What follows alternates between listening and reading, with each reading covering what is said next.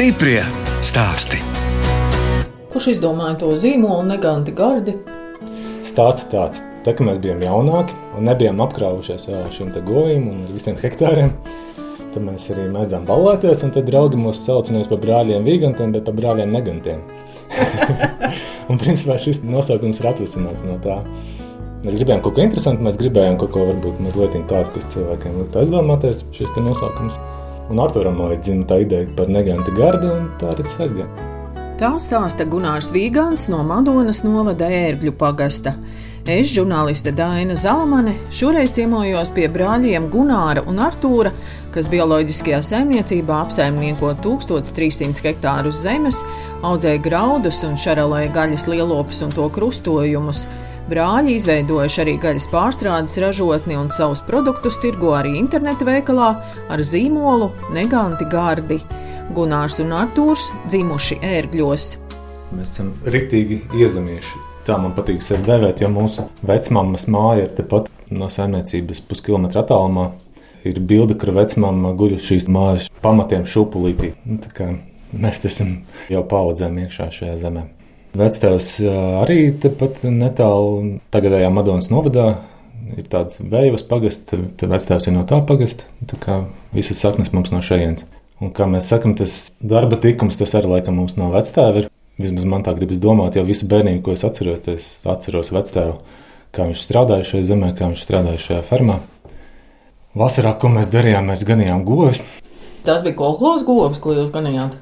Nē, pēc tās, pēc Holhūzes sabrukuma mēģināja attīstīt savu mazu piena saimniecību. Man liekas, ka tā bija 20 govs. Vienkārši tā saimniecības tā lielā kūca tika nodalīta maza teritorija, kas bija silta un tajā arī turēja tās gotiņas. Tur bija tā vecā vakuma līnija, kur pieslēdz to piena kanu. Sauc un pēc tam nes visu uz paņem uz dzēsētāju. Viskās un pēc tam lai lielā basēnā. Vectēvam nebija palīga, lai viņš varētu attīstīt to senēcību tajā brīdī, un tāpēc arī nevarēja viņš tā strauji paplašināties.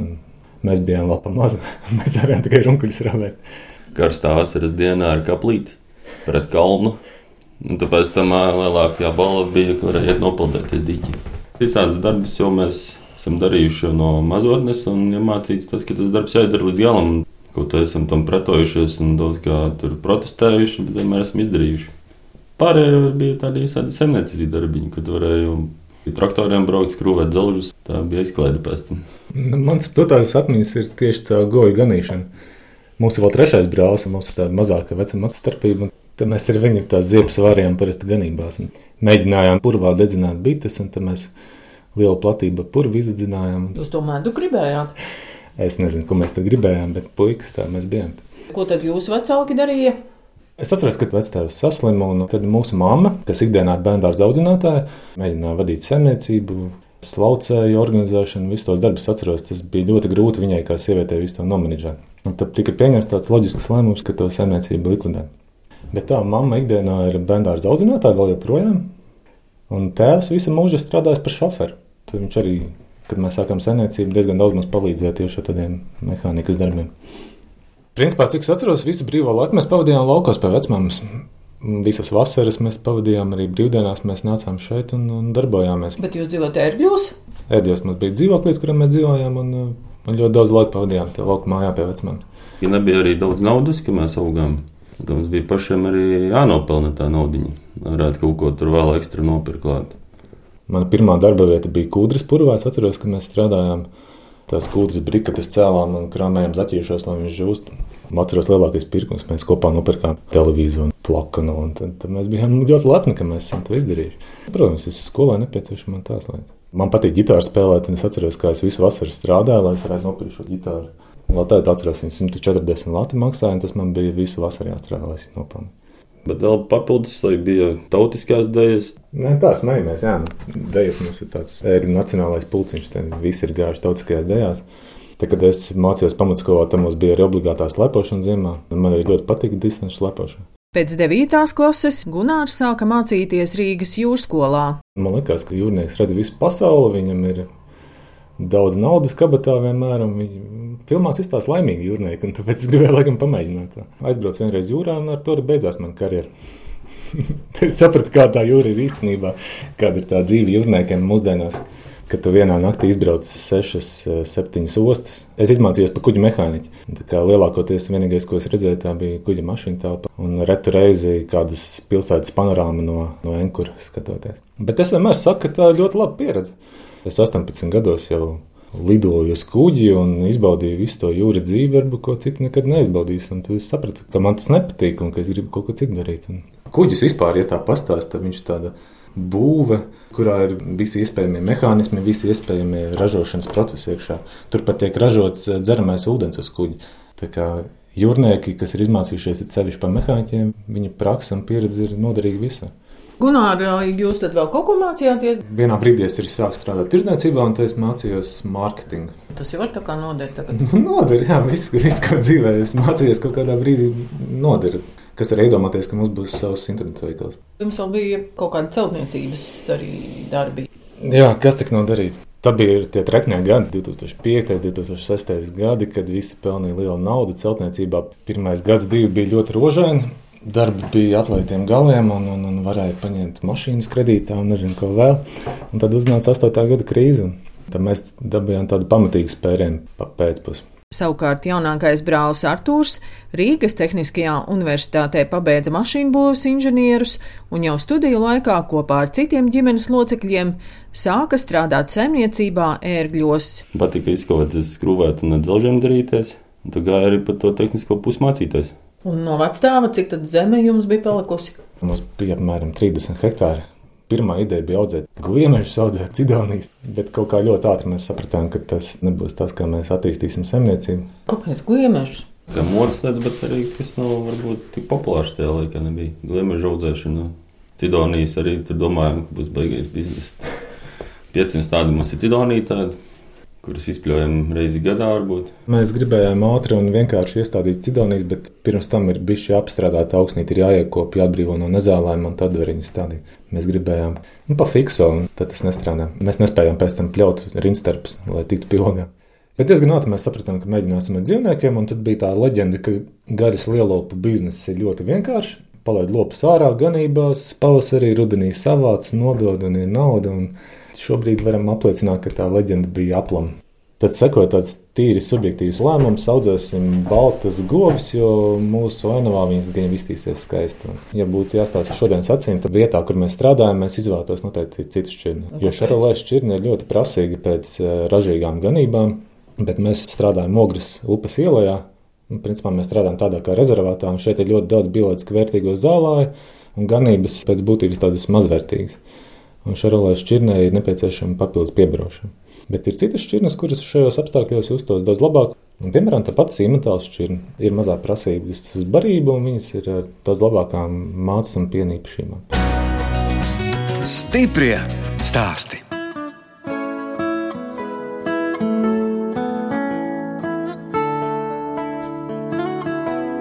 Jūs klausāties raidījuma stipri stāstī. Šoreiz ciemojos pie brāļiem Vīgantiem, Gunāra un Artūra, kas Madonas novada ērgļu pagastā bioloģiski apstrādā 1300 hektārus zemes, no tiem 400 hektāri ir īpašumā, pārējā platība tiek nomāta. Brāļi audzē gan graudus, gan šarolē gaļas lielopus un izveidojuši zīmolu Neganti Gārdi. Dodamies uz kūti! Liela daļa lopu ir ārā, bet mums iekšā notiek atnešanās. Šīs visas meitenes ceļā, viņām puncīti ir teliņš. Šito mēs saucam par tādu atnešanās zonu, un tur mums ir bērndārs. Tur jau tās, kas ir atnesušās kādu veciņu apakaļ. Jaunākais ir dienu vecs teliņš. Šeit šodien no rīta piedzīvot. Šis ir galīgi jaunāks. Ja, meklē tagad ēdienu. Tā kā mēs sākām saimniecību, Tad mums nebija īsti saprašanas, kā strādāt. Vai strādāt tikai ar tiršķinas, baltajām gotiņām, vai arī ar krustojumu gotiņām. Un tad mēs sākot iepirkām gan tiršķinas, gan krustojumu dzīvniekus. Tagad, kad mēs esam pastrādājuši desmit gadus, tad mēs varam saprast, kas ir labāk. Un kas ir labāk? Abi labi. Galvenais, lai labi pienīga gotiņa. Mēs varam gan vaislā dzīvnieku realizēt diezgan izdevīgi, gan mēs varam arī gaļā realizēt dzīvnieku. Brāļi Vīganti no savu vecstāvu mantoja gan fermu, gan netālu esošo dzīvojamo māju, kur dzīvoja fermas strādnieki. Blakus ēkai, kurā bija arī šobrīd dzīvo, uzcelta moduļu tipa būve, gaļas sadalas un pārstrādes cehs.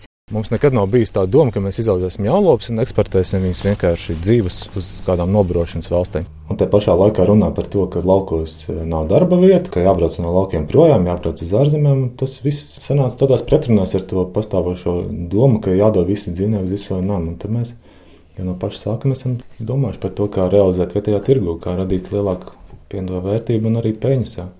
Sākotnēji mēs gribējām veikt lielu investīciju ērģu centrā, un bijām iecerējuši lauka atbalsta dienestā uzrakstīt lielāku projektu un uzreiz eh, iet ar lielām investīcijām šajā biznesā iekšā. Bet lauka atbalsta dienas mums bija piebremzē. Tā teica, puiši, nē, nē, nē, ir pārāk daudz neveiksmīgu projektu Latvijā. Sākat no sākuma pamazām, pierādiet, ka jūs varat strādāt un attīstīsimies tādā veidā. Tas bija pareizi. Laikam, jā.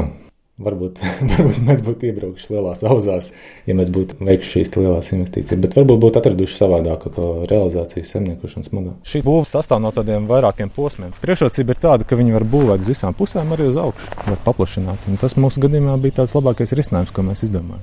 Šobrīd tur uh, investīcijas kopā varētu būt apmēram 200 tūkstoši sadās cehā. Jums ir pašiem savu kautuvi tagad? Nē, kautuvē tā ir vienīgā lieta, ko mēs ņemam ārpakalpojumā. Mums ir sadarbība ar tādu nelielu kautuvīti Madlēnā.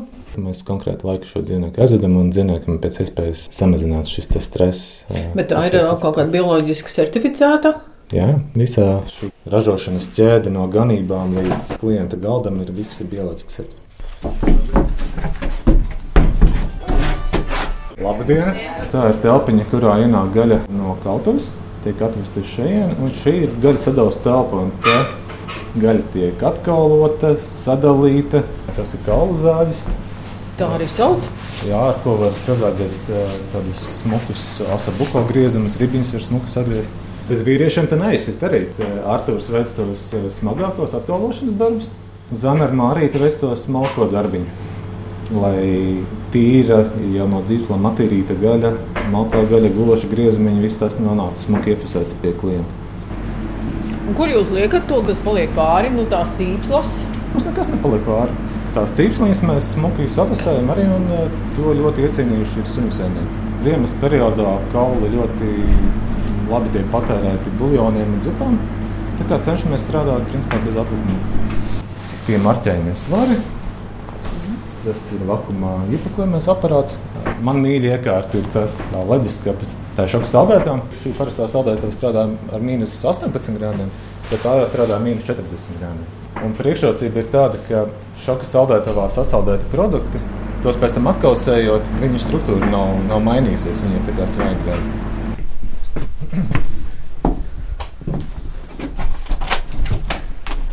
šogad taisīsim jaunus produktus, termiski apstrādātus, taisīsim konzervus, stikla burciņās gaļiņā iekšā, vārīsim buļļonu, taisīsim pelmeņus, cīsiņus, varbūt un desas. Un tad tās būs pārstrādītas, tādas savādākas, termiskā pārstrāde. Visu laiku mēģinām kaut ko attīstīties un nest tādas vietas, kā arī izmantot visu laiku kaut kādas jaunas tehnoloģijas. Gaļai produkts ir ierobežotu realizācijas termiņu. Tas ir mūsu dzinējums, kā pagarināt šo realizācijas termiņu mūsu produktiem. Un šobrīd vai nu tā ir termiskā apstrāde, vai nu tā ir saldēšana. Tajā virzienā mēs arī strādājam un domājam. Kas te notiek tajos toveros? Te notiek tāda putnu pirmapstrāde, ja? tā mēs varētu teikt. Jā, jā. noplaucē karstā ūdenī, noteikti laiciņu pēc tam šeit ieliek, un viņš griežas un atspalvo. Nu jā, lai tas nav jādara ar rokām. Jā. Kāpēc jums bija jāsāk audzēt broileri? Gribējās mūsu bioloģiskas gaļas interneta veikaliņam pielikt klāt sortimentā vēl bioloģisku broileru gaļu. Jums bija kur tos broilerus likt? Bija kāda kūtiņa?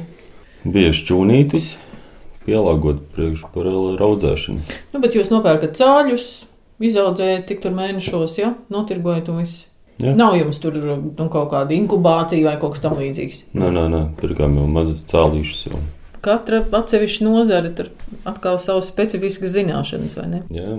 Bet nu, katrā ziņā tā nav nekāda retuša zinātne. to var ļoti ātri iemācīties un saprast. Paši arī ražojam graudus, un mēs gribējām arī šiem graudiem radīt lielāku pievienoto vērtību. Covid pandēmijas laikā brāļi izveidoja arī interneta veikalu, kur, kā rakstīts mājaslapā, tirgo savu draugu produktus. Tā kā sākās Covid pandēmija, tajā brīdī mēs sapratām, ka mums jau izveidojas klientu lokus, un mēs viņiem piegādājam tikai mūsu lielo gaļu. Tad mēs nolēmām, kāpēc mēs nevaram piedāvāt arī vēl citu kvalitīvu, tuvu esošu saimnieku produkciju. Un pamazām, pamazām mēs esam izauguši līdz tādam nelielam internetu veikalam, kurā var iegādāties daudz labas lietas. Ko es uzreiz pamanīju, bija Jāņkalni. Jā. Kuri taču kļuva par laureātiem sējējā. Jā, tie mūsu draugi. Arī. Jā, jā. jā. Šādā veidā sadarbojoties, radās tāda apusēja sadarbība. Piemēram, ar Sandru ir tā, ka mēs ņemam viņa produkciju un tirgojam savā internetu veikalā. Bet savukārt Sandrs sēž uz mūsu laukiem, savas bites. Mums ir ripša lauka, un tas Sandrs sēž lauka malās, noliek savas bites. Tas tā ļoti patīkami. Arī Kaziņas Bonijas siers, piemēram, Kaziņas sēž mūsu graudus. Savstarpēji komunu te veidojam. Miežu grūbas un šķeltie zirņi. Gaņa pītas, tas ir pie Valmieras, manas gaužas ogrēm. Bioloģiskas soliņas ir arī no straupas. Tātad ir straupas putni. Un kas tad šī tā kēsēne audzē? Alais novada sošlēs.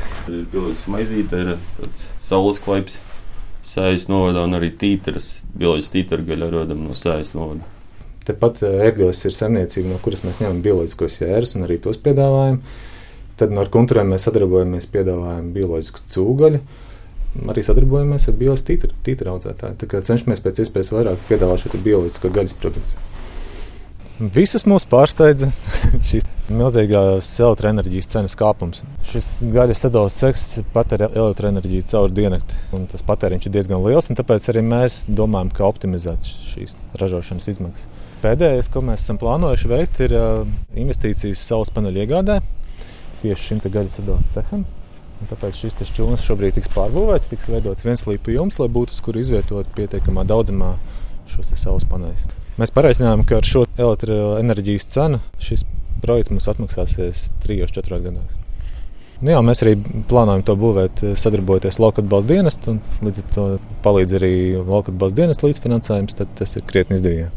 Gunārs un Artūrs stāsta, ka pienācis laiks domāt arī par lielopu gaļas eksportu. Šobrīd izdevīgāk ir atdot eh, mūsu izvērtēto dzīvnieku eksportā, nekā laist caur visu mūsu ražošanas ķēdi un piegādāt Latvijā jau gatavu fasētu produktu. Ārzemēs mūsu to gaļu pat nesadalītu kauķermeni, nopirkt par lielāku naudu, nekā mēs varam nopelnīt šeit Latvijā. Jo ārzemēs tā pirktspēja ir daudz lielāka. Nu, manuprāt, tāda vienīgā reālā iespēja, kā padarīt mūsu produktu pieejamāku vietējā tirgu, varētu būt PVN samazinājums svaigai lielopu gaļai. Jo savādāk visi vietējie ražotāji būs spiesti pārdot savu produkciju eksportā. Un tad atkal mēs nonāksim pie tās situācijas, ka vietējā tirgu nav pašu Latvijā saražotas lielumu gaisa. Šobrīd ražotājiem nav variantu, ir jāeksportē prom. Šobrīd degvielas cena ir divreiz dārgāka nekā bija pagājušajā gadā. Nu, pie mūsu hektāriem tie apjomi ir milzīgi. Tā ir milzīga izdevuma pozīcija, kas šobrīd pieaug. Bet tajā pašā laikā es arī ģimeni runāju par šīm lietām. Mēs badā nenomirsim. Mēs strādāsim, varbūt lēnāk attīstīsimies. Un varbūt eh, mazāk iesaistīsim kādus kultūra augus vai kaut ko, bet mēs badā nenomirsim. Šī politiskā situācija gan jau pēc pāris gadiem stabilizēsies un atkal viss būs labi. Pāris gadi? Ja mēs runājam par to, kas notiek Ukrajinā, tad man tā gribētos domāt, jā, kamēr atradīs citus naftas un gāzes piegādātājus, es pieļauju, ka paies pāris gadi. Tāpēc jau jūs domājat par tām saules baterijām, jā? Jā. Noteikts laika limits, kurā mums tas ir jāpārstāj darīt, viss fosilais. Jau tik uzņēmēji, arī privātiem, visiem pārējiem jādomā līdzi, ko viņi dara. Līdz 30 gadam jāsamazina uz pusi jau ir sava CO2 pēdiņa. Nu, ņemot vērā, ka jums ir gana daudz tie hektāri un divas nozeres, cik tad jums ir darbinieki? Tas arī ir mainīgs lielums atkarībā no sezonas. Vidēji 12 cilvēki pie mums strādā, pašus ieskaitam. Nu, gan lieli. Ar to mēs arī savā ziņā lepojamies, jā, ka mēs varam 12 cilvēkiem iedot darbu, un viņi var pabarot savu ģimeni. Un tas priekš mums ir svarīgi. Mēs arī cenšamies eh, neņemt tādus sezonas strādniekus. Pa sezonu mēs nodarbinām skolniekus, pavasarī. Ja mēs cilvēkam esam devuši darbu, tad mēs cenšamies nodrošināt šo darbu cauri gadu griezumam. Pa ziemu zāģējiem malciņu mums ir gana daudz arī visādi grāvi jātīra, pļavas no apaugumiem jātīra, tie paši meži jānaudas, jākop, viss kaut kas jādara. Tad mēs cenšamies cilvēkiem nodrošināt cauri gadu griezumā darbību. Un cilvēki ir no ērgļiem? Lielākoties, jā, visi tie vietējie. Lauksaimniecība nav tā populārākā nozara, kurā cilvēki raujās strādāt. Bet nu, mums ir paveicies, mums ir forši puiši, forši meitenes, kas strādā un novērtē šo darbu. Tur vajag traktora tiesības, tur vajag nebaidīties arī izkāpt no traktora un aiziet palīgā gotiņai pieņemt dzemdības, ja ir vajadzīga. Ir bijuši tādi jauni puiši, kas atnāk, ka viņi saka, ka viņi tikai brauks ar traktoru. Nu, tādu mums nedara. Galvenais, lai cilvēkam ir vēlme strādāt, lai viņš ir atbildīgs pret savu darbiņu un tam atrodas kopīgi valodā. Kas ir tas grūtākais tagad darbā? Nu, man personīgi lielākais satraukums parasti ir pirms pavasara darbiem. Jo mums pavasaris ir ļoti intensīvs. Ir jālaiž lopā ganībās, ir jāsāk sēst darbi, un visu to ļoti iespaido laikapstākļi. Jūs paši arī ar traktoriem braucat? Labprāt, bet nesanāk. Man ikdienā ļoti daudz paiet pie datora, diemžēl. Visi lauka atbalsta dienas, visi projekti, visi līgumi, viss tas ir jāgatavo un viss tas ir jāraksta. Daudz labprātāk es skaldītu malku nekā, nekā sēdēt pie tā datora. Artur, un ko tad jums vairāk iznāk darīt? Arī pasēdēt pie datora. Gaļas cehā tur pastrādāt, pārorganizēt tos izslietiņus. Gunārs vairāk organizē par lauksaimniecību, tos darbiņus. Es vairāk organizēju gaļas cehu un izskaušanas un tirgošanas. Saimniecībā pusē no 1300 hektāriem tiek audzēti graudi.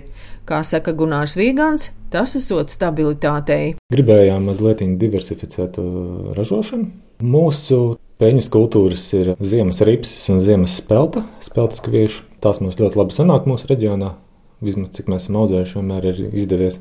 Tie ir tie pirmotnējie kvieši. Viņi ir daudz pievērotāki bioloģiskajām saimniecībām, bioloģiskajām vissaimniecībām. Kā jūs tiekat ar tām nezālēm galā?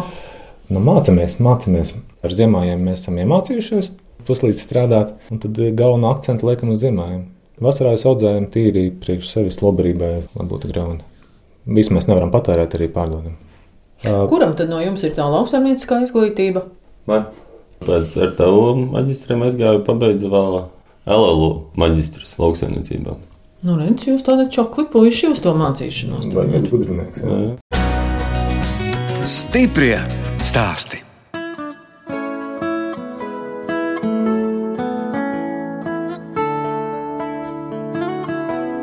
Jūs klausāties redzējumu stipri stāstī. Turpinot ciemoties pie brāļiem Gunāra un Artūra Vīgantiem Madonas novada ērgļu pagastā. Viņi audzēja graudus un šarolē gaļas lielopus un to krustojumus. Abi brāļi dzīvo bijušajā fermas strādnieku mājā, un Gunāra dzīvoklī var redzēt, ka viņa sieva Ieva ir radošs un māksliniecisks cilvēks. Sieviņai patīk puķis, kā redzēt. Viņai pašai ir ērgļos puķu veikaliņš. Un viņa veiksmīgi darbojas tajā nozarē. Tāpēc pirms es biju iepazinies ar ielas, tad es dzīvoju tā kā vecpuisis. Man bija tā vienkārši. Bet šobrīd, protams, te ir puķis, te ir bērni, te to redzēt, un tas ir daudz mājīgāk un patīkamāk. Jūs tā varat saprast, tādā sieviešu ielenkumā esat. Ja? Divas meitas, kaķene arī ir kaķene, nevis kaķis. Jā, un vēl 150 govs. Tāds ir liktenis ievirzījies. Bērnībā auga ar trīs brāļiem, šobrīd dzīvo ar meitenēm. Un uh, ar to jums tad ir vēl nevis sieva, bet draudzene pagaidām. Ja? Jā. Un draudzene ko dara? Viņa ir um, ārsts, psihiatrs. Strādāja Jelgavā, ģintermūžā, iet vēl rezidentūru narkoloģijā. To pabeigs un tad nāks strādāt uz Madonu. Man patīk spēlēt volejbolu, snowboardēlu braukt. Visādas dabas aktivitātes, visādas tādas lietiņas. Ar kvadrcikliem izbraukt pa dubļiem, kaut kur noslīgt vai kaut ko izdarīt. Tā jau izklausījās, ja jums mehānismi patīk, ka kaut kādas tādas aktivitātes varētu interesēt. Jā, tad ir tāds labs. Vairākus gadus jau notiek postnos latviešu izveidots pārgājienu maršruti, kuros mēs tādā ejam, piedalāmies. Šogad arī iesim. Vienalga, kurā dienā tu vari iet. Te ir tos maršrutiņš, ko 30 km to viens pārgājiens pa visām vietām Latvijā, dažādām beigām. Pagājušajā gadā izplatni izlacām. Gunāram?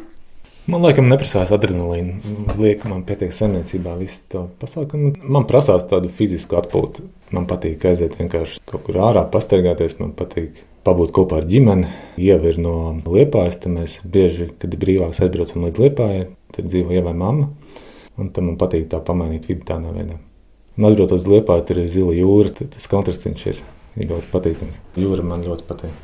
Pēdējā laikā mums ar ģimeni ir tāda tradīcija Kad mēs braucam kaut kur ciemos, mēs ņemam ģitāru līdzi un tad mēs spēlējam tādas ģimeniskās dziesmas. Vairs nav tā, ka es domāju par kaut kādām ar čaļiem un grupu spēlēm, bet es spēlēju ar ģitāru, ar ģimeni un ar meitām. Tas tāds pēdējā laikā atklājums priekš maniem arī, ka var arī ģimeni kopā padziedāt. par dzīvi laukos. Kas jums te visvairāk patīk? Te ir uh, svaigs gaiss, brīvība, izjāra ārā ir plašums. Nav pretī kaimiņu lokus, kur tu tur skatās virsū uzreiz. Arī būt viens, tepat laikā 5 km tālāk ir um, pilsēta. Ja skatāmies no tādām cilvēkam nepieciešamām lietām, tad uh, laukos nērļos, te, kur mēs dzīvojam, mums ir gan skola, pagaidām arī vidusskola.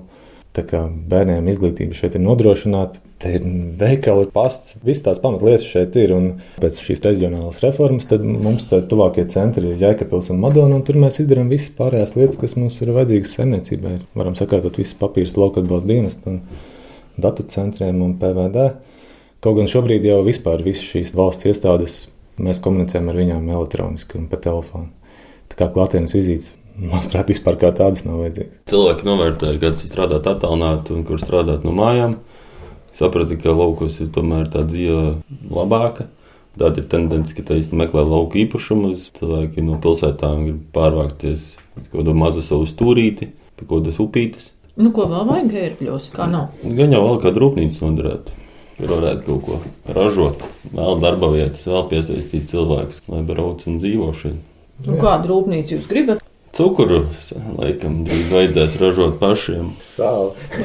Lai rastu to neatkarību, jo mums tas resurss Latvijā ir diezgan labi, lai mēs paši varētu sev nodrošināt savu iztiku, lai nebūtu jābūt atkarīgiem no importa. Nu, mazliet viņam arī vajadzētu piestrādāt pie infrastruktūras, jo Nu, es sevišķi mums šeit, mēs dzīvojam trīs km nērģiem, tie dubļi ir kaitinoši pavasarī. Bet mūsu pašvaldība, manuprāt, ļoti labi strādā šajā ziņā pēdējos gados, un es ceru, ka viss tur uzlabosies. Tas sapnis ir vienkārši, lai mūsu attīstība uzņēmumam turpinātos, varbūt ar eksportu, varbūt kādā citā veidā. Un, lai mēs izaugam lielu un pašpietiekamu saimniecību šajā novadā un spētu dot darba vietas, stabilas darba vietas šeit cilvēkiem un paši spētu nodrošināt savu ģimeni, strādājot šeit, laukos. Principā mūsu plāns šo māju sakārtot. Tad dzīvošana varētu būt tikpat komfortabla kā tā, jebkurā citā projektā. Tā doma ir, ka darba spēku atrast uz vietas ir arvien grūtāk. Tad mēs sakārtosim šo māju, tad varēsim piedāvāt dzīvošanu gan darbiniekiem, gan arī bija tā situācija ar Ukraiņas bēgļiem. Ir patīkami, ka ir iespēja piedāvāt viņiem dzīvošanu šeit. Bet, nu, protams, vismaz mans sapnis ir par savu privātu māju. Man jau ir īpašumi viņš ogres upes krastā, kuras ir to plānoju un sapņoju uzcelt. Tas ir savs laiks. Nopirkām nesen arī draudzeni māju, kad kilometriņa attālumā pagaidām jaucam nost, lai, nu gara varētu renovēt un attīstīt. Lielākais ieguvums ir tas, ka mēs dzīvojam tīrā vidē šeit. Mēs savu saimniekošanu varam šeit sakārtot pļavas, ganības, ainavu. Mēs paši to varam izdarīt. Tas ir tāds liels gandarījums šeit dzīvojot un, un strādājot. Mēs tā jau bijām strādājuši no bērnības, bez nekādām ķīmijām. Izmantojām tos pašus kūtsmēs, arī virsmu, ko tur lai sīpolam virsmu, un tā bijām iemācīti. Man patīk, ka ir dabas daudzvietība, putni, kukaiņi, visādas tādas lietas. Šeit visur ir ogres upes ielais dabas rezervāts dabas parks. Priekš maniem ir milzīgs gandarījums, kad es eju pa savām ganībām un no ganībām paceļās manas stārķis. Tā ir tik tāda pacelājoša sajūta. Es pieļauju, ka zemgālē tādu ainu vairs neieraudzīs. Negribās to sabojāt, gribās atstāt to arī pēc tam mūsu pēcnācējiem. Nu, mēs esam sākuši no baltas lapas un esam šobrīd 10, 11 gadu laikā attīstījuši saimniecību. Mēs arī novadā esam sakārtojuši apmēram 700, 800 hektārus lauksniecības zemes. Un tas ir tas mūsu lielākais ieguldījums šobrīd, ko mēs esam izdarījuši. Un šobrīd, pēc desmit gadiem, mēs sākam sajust to, jā, ka mēs esam attīstījuši savu ganāmpulku, jā, mums pietiek hektāru, un mēs šobrīd varam domāt par kvalitāti. Mēs varam sakārtot saimniecības, tos pašus pievecējus, mēs varam sakārtot savas dzīves vietas, mēs varam veikt tādus ieguldījumus, kurus agrāk mēs nevarējām atļauties.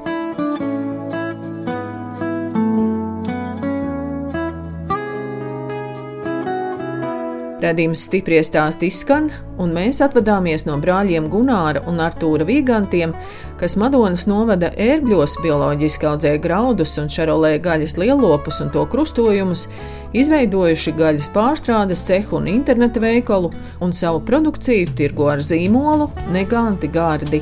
No jums atvedās žurnāliste Dāna Zalamane un operātore Inga Bēdele, lai tiktos atkal tieši pēc nedēļas.